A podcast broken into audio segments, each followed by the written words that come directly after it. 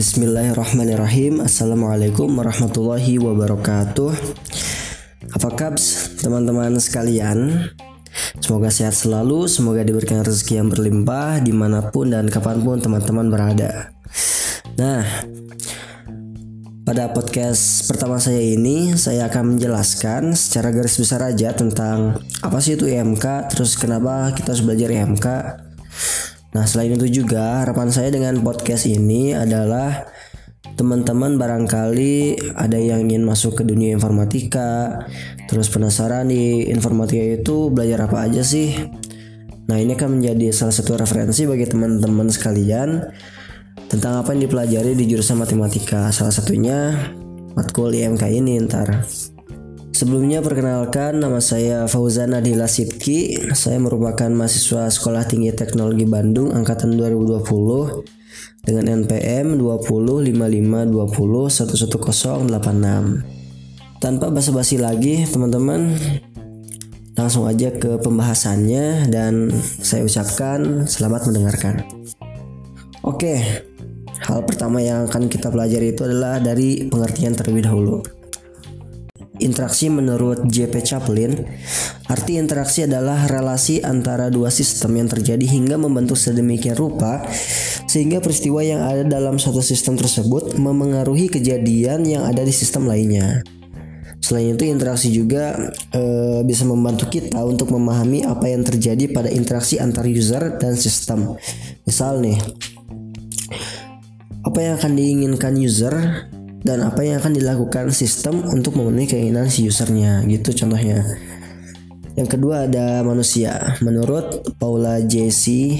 and Janet W.K., manusia merupakan makhluk yang terbuka, bebas memilih makna di setiap situasi, mengemban tanggung jawab di atas semua keputusan, yang hidup secara berkelanjutan serta turut menyusun pola hubungan antar sesama dan unggul multidimensional dengan berbagai kemungkinan.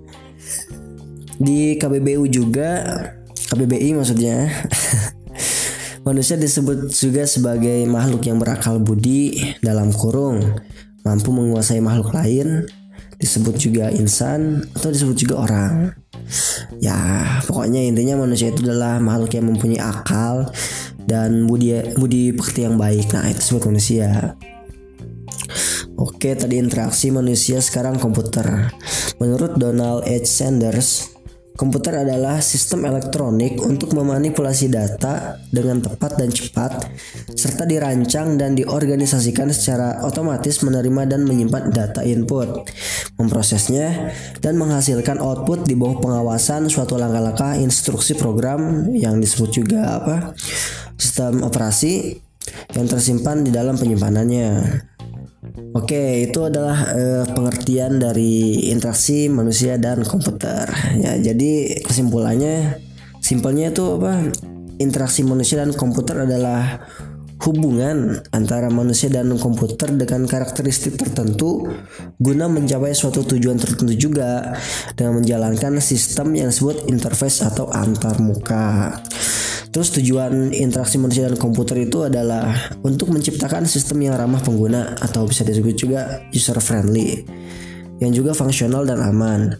Untuk mencapai tujuan ini, seorang developer harus dapat satu berempati dengan para pengguna dan mengantisipasi bagaimana mereka akan melakukan atau menggunakan si teknologinya.